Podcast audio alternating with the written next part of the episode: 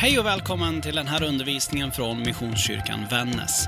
Vi hoppas att den ska hjälpa dig att ta nästa steg i din tro. Är du intresserad av mer från oss eller vill kontakta oss så hittar du allt det du behöver på www.missionskyrkanvannas.se eller på de vanligaste sociala plattformarna. Välkommen hem! När jag var på bibelskola, en av, en av gångerna, så minns jag att vid ett tillfälle, det måste ha varit kvällsandakt eller morgonsamling, för vi satt liksom i en ring där på golvet på heltäckningsmattan. Klassisk bibelskolegrej. Vi fick i alla fall frågan då, vem är Jesus för dig? Och så skulle vi alla med ett ord var beskriva. Liksom. Vi gick en runda, vi skulle beskriva Jesus. Vem han var, eller kanske snarare vem han är. För oss och i våra liv. Jag tror att jag svarade vän, eller möjligtvis bror. För det är ofta så jag tänker om Jesus. Han är liksom nära och mänsklig för mig. Som en bästa vän eller som en bror. Det är villkorslösa och trygga. Men eftersom det här var en bibelskola med deltagare från hela världen så blev det ganska skiftande svar. Svar som öppnar mina ögon för en sak. Att jag har så otroligt lätt att hamna i, och i viss mån också fastna i, bilden av den mänskliga Jesus. Han som vandrar på jorden och var precis som oss. Killen med smutsiga fötter och brödsmulor i skägget och det varmaste leendet. Men Jesus var inte bara människa, utan Gud. Jesus är Gud, Immanuel, Gud med oss. Jag läser från Johannes evangeliets första kapitel, de första 18 verserna. I begynnelsen fanns ordet, och ordet fanns hos Gud, och ordet var Gud. Det fanns i begynnelsen hos Gud. Allt blev till genom det, och utan det blev ingenting till av allt som finns till. I ordet var liv, och livet var människornas ljus. Och ljuset lyser i mörkret, och mörkret har inte övervunnit det. Det kom en man som var sänd av Gud, hans namn var Johannes. Han kom som ett vittne för att vittna om ljuset, så att alla skulle komma till tro genom honom. Själv var han inte ljuset, men han skulle vittna om ljuset. Det sanna ljuset som ger alla människor ljus skulle komma in i världen. Han var i världen och världen hade blivit till genom honom. Men världen kände honom inte. Han kom till det som var hans och hans egna tog inte emot honom. Men åt dem som tog emot honom gav han rätten att bli Guds barn. Åt alla som tror på hans namn, som har blivit födda inte av blod, inte av kroppens vilja, inte av någon mans vilja, utan av Gud. Och ordet blev människa och bodde bland oss. Och vi såg hans härlighet, en härlighet som den enda sonen får av sin fader. Och han var fylld av nåd och sanning. Johannes vittnar om honom och ropar, det var om honom jag sa, han som kommer efter mig går före mig, ty han fanns före mig. Av hans fullhet har vi alla fått del, med nåd och åter nåd. Ty lagen gavs genom Mose, men nåden och sanningen har kommit genom Jesus Kristus. Ingen har någonsin sett Gud, den enda sonen, själv Gud och alltid nära Fadern. Han har förklarat honom för oss. När Johannes ska skriva ner sitt evangelium, formulera vad han har fått vara med om och uppleva under åren tillsammans med Jesus. När han ska hitta orden, då börjar han redan från början. För där fanns ordet, hos Gud, var Gud. Ordet var liv och ljus, ett ljus som mörkret inte övervinner. Och sen kommer det stora. Ordet blev människa och bodde bland oss. Och vi såg hans härlighet, en härlighet som den enda sonen får av sin fader. Och han var fylld av nåd och sanning. Det blir inte tydligare än så. Johannes och lärjungarna såg en människa som bodde bland dem. Men det var inte primärt människan som de såg, utan var han kom ifrån. De såg hans härlighet, att han var Gud. Lärjungarna såg på Jesus som Messias, som Herre och Mästare. Inte vid första anblick kanske, och definitivt inte hela tiden. För han blir ständigt ifrågasatt och det verkar ett ihärdigt arbete från Jesus sida för att få lärjungarna att förstå. När han gång på gång undervisar om och försöker bevisa vem han är och vem han kommer ifrån. Så om du inte alltid ser hans härlighet, välkommen in i klubben. I vår identitetsbeskrivning som församling så skriver vi så här om Jesus. Vi tror att den Jesus som Bibeln beskriver är Messias. Han har dött och uppstått för varje människa. Jesus djupaste längtan är en aktiv relation med alla människor. Mötet med Jesus förvandlar liv. Detta är något vi vittnar om, både med ord och genom våra liv. Om två veckor kommer pastor Johan predika om Messias, frälsaren. Och nästa söndag om den Jesus som förvandlar, som helar och upprättar. Och idag handlar det om den Jesus som längtar efter en relation. Och när vi skriver en aktiv relation, som det faktiskt står, då är det inte en relation där han har en biroll eller en jämlik, en vän eller en bror på samma villkor. Utan en relation där Jesus är så mycket mer. Där han får vara den han faktiskt kom att bli för de första lärjungarna. Rabbi, läraren, ledaren, herden, den vi följer, ärar och älskar. Där vi ser hans härlighet och förstår att han är fylld av nåd och sanning. Så idag ska jag prata lite om att skifta det där perspektivet från människa till Gud, från vän till ledare. Jag var inte riktigt med på förr, men jag inbillar mig att man i äldre tider hade ett lite annat sätt att se på varann. Innan du-reformen och kanske ännu längre tillbaks. Eh, där titlar och status hade en annan roll i vardagen. Det var fru eller tant, direktören eller läraren.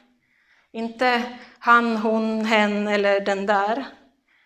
Jag tänker på Karl-Bertil Jonssons jul där varje adresslapp hade en titel, oavsett om det var svarvare, fröken eller byrådirektör. Och byrådirektör, det låter kanske flott, men det är ju också en högre status som förmodligen är förvärvad. En status som inte bara gav fördelar utan också innebar, innebar ett högre ansvar. För ledarskap är ansvar.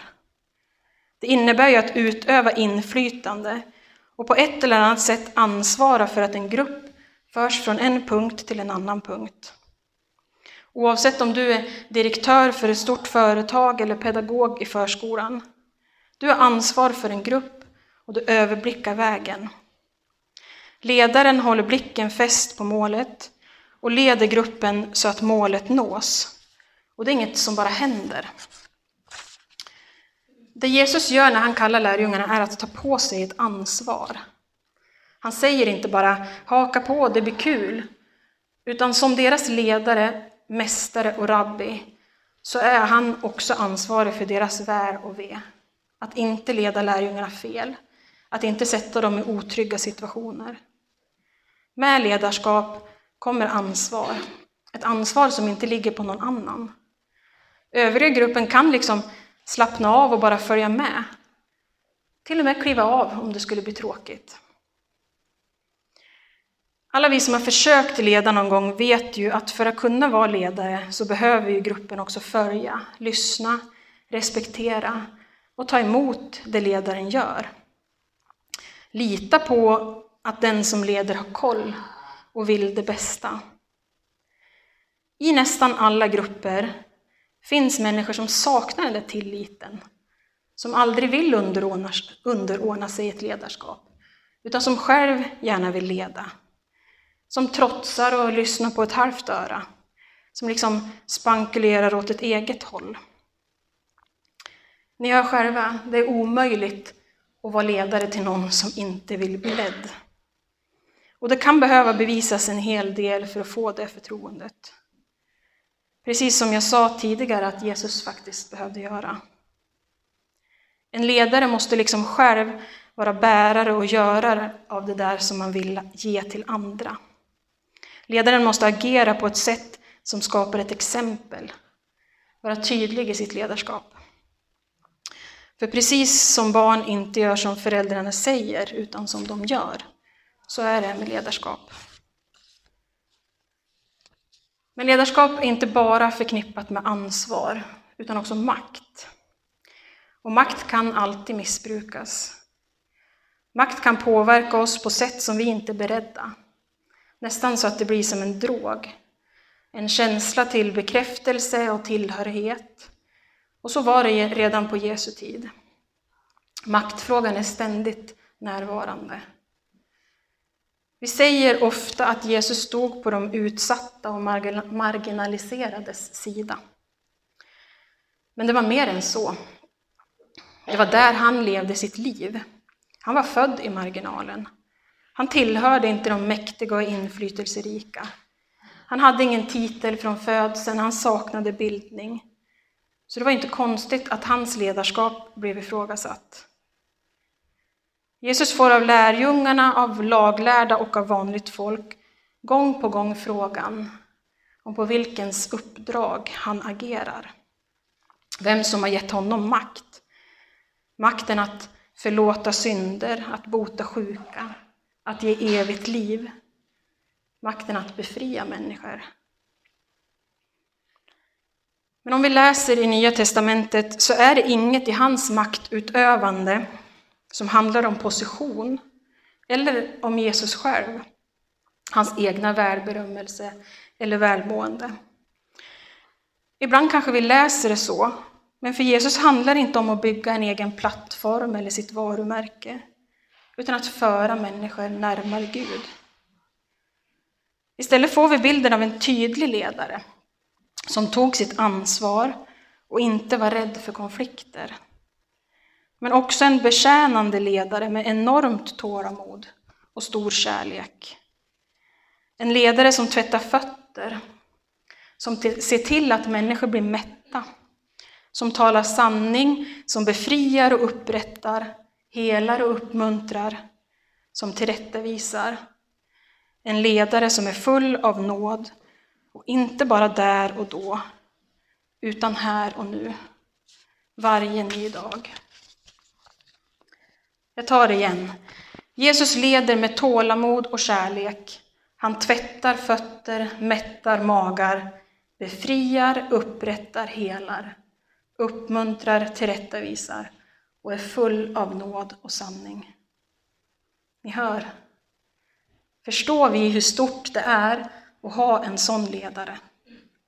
Att vi får ta emot allt det där och vila i att han har koll. Jag tycker att det är stort. Och för det förtjänar han mer av oss än att bara vara något söndagsnöje. När vi säger att Jesus är ledare, då menar vi att han är det. Det är hans ord som gäller. Det är han som är Herre och Mästare. Vi är hans tjänare och följare. Han ska peka ut riktning, han ska visa vägen. Och det är svårt, Kanske extra svårt i vår tid när jaget är så starkt. För vad ska vi göra då? Vad ska jag göra om det är han som ska leda? Var inte orolig, det finns att göra för oss även när vi lämnar över taktpinnen. Vi ska lyda, vi ska ära, vi ska följa.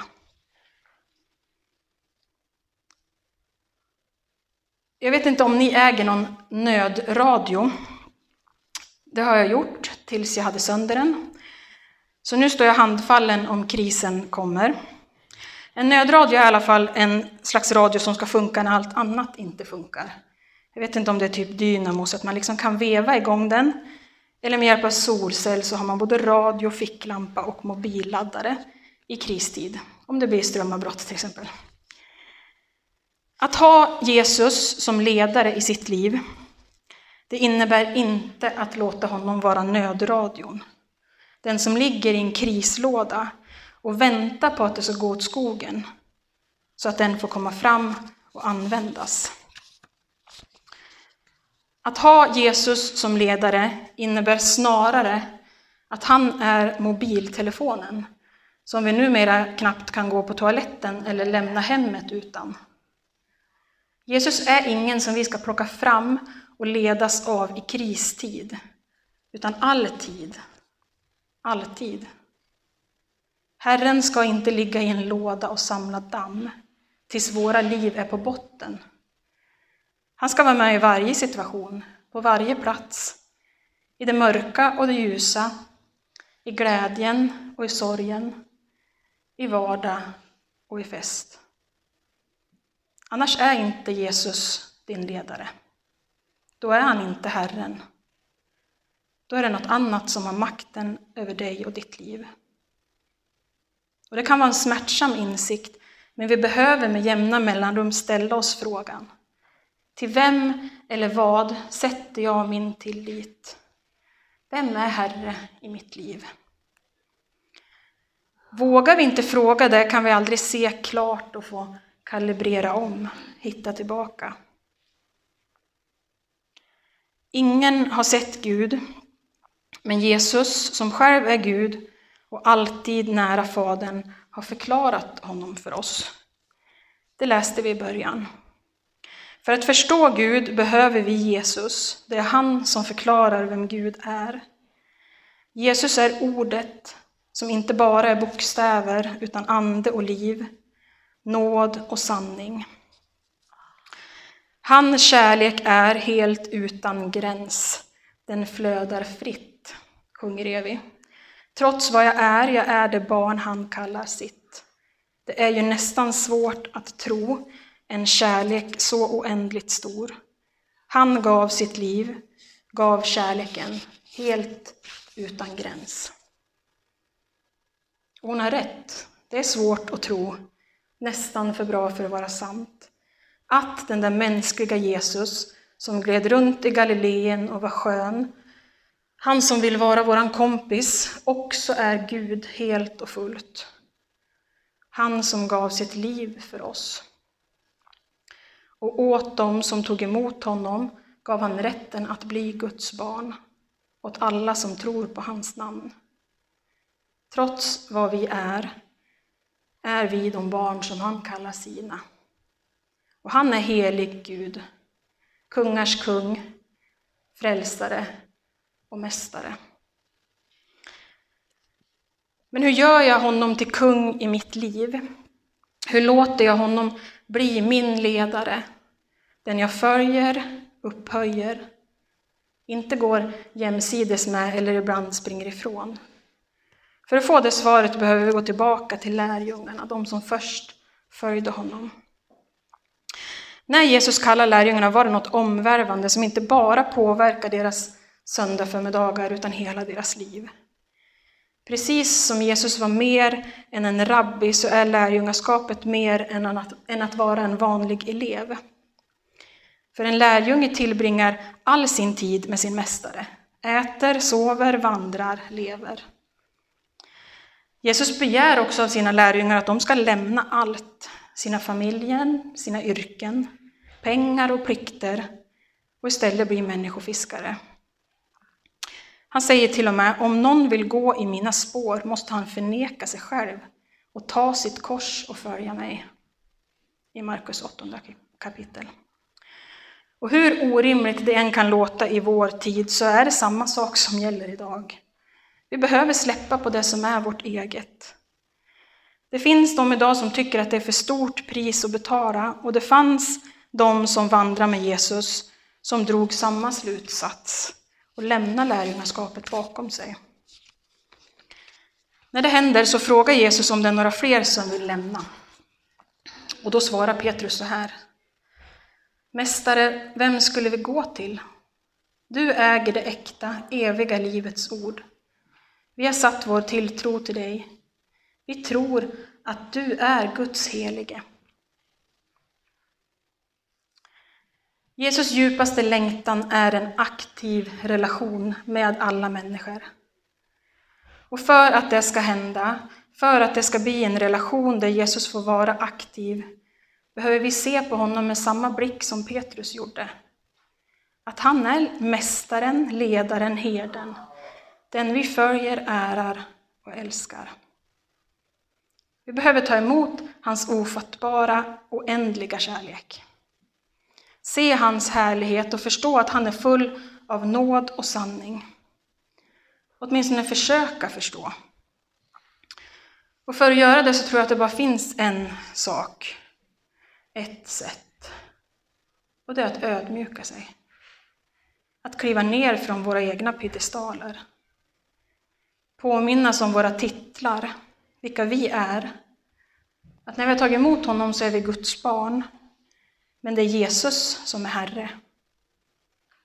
Vi behöver falla ner på knä. Jag behöver falla ner på knä.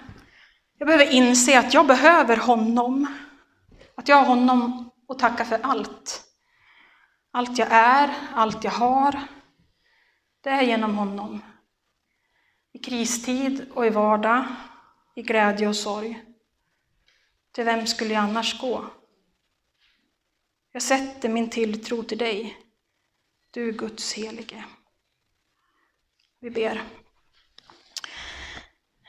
Jesus, Mästaren som vi följer, ärar, älskar, som går med oss i varje andetag, som har dött och uppstått för oss, som ger oss evigt liv, som har gett oss heliga anden, hjälparen. Tack Herre.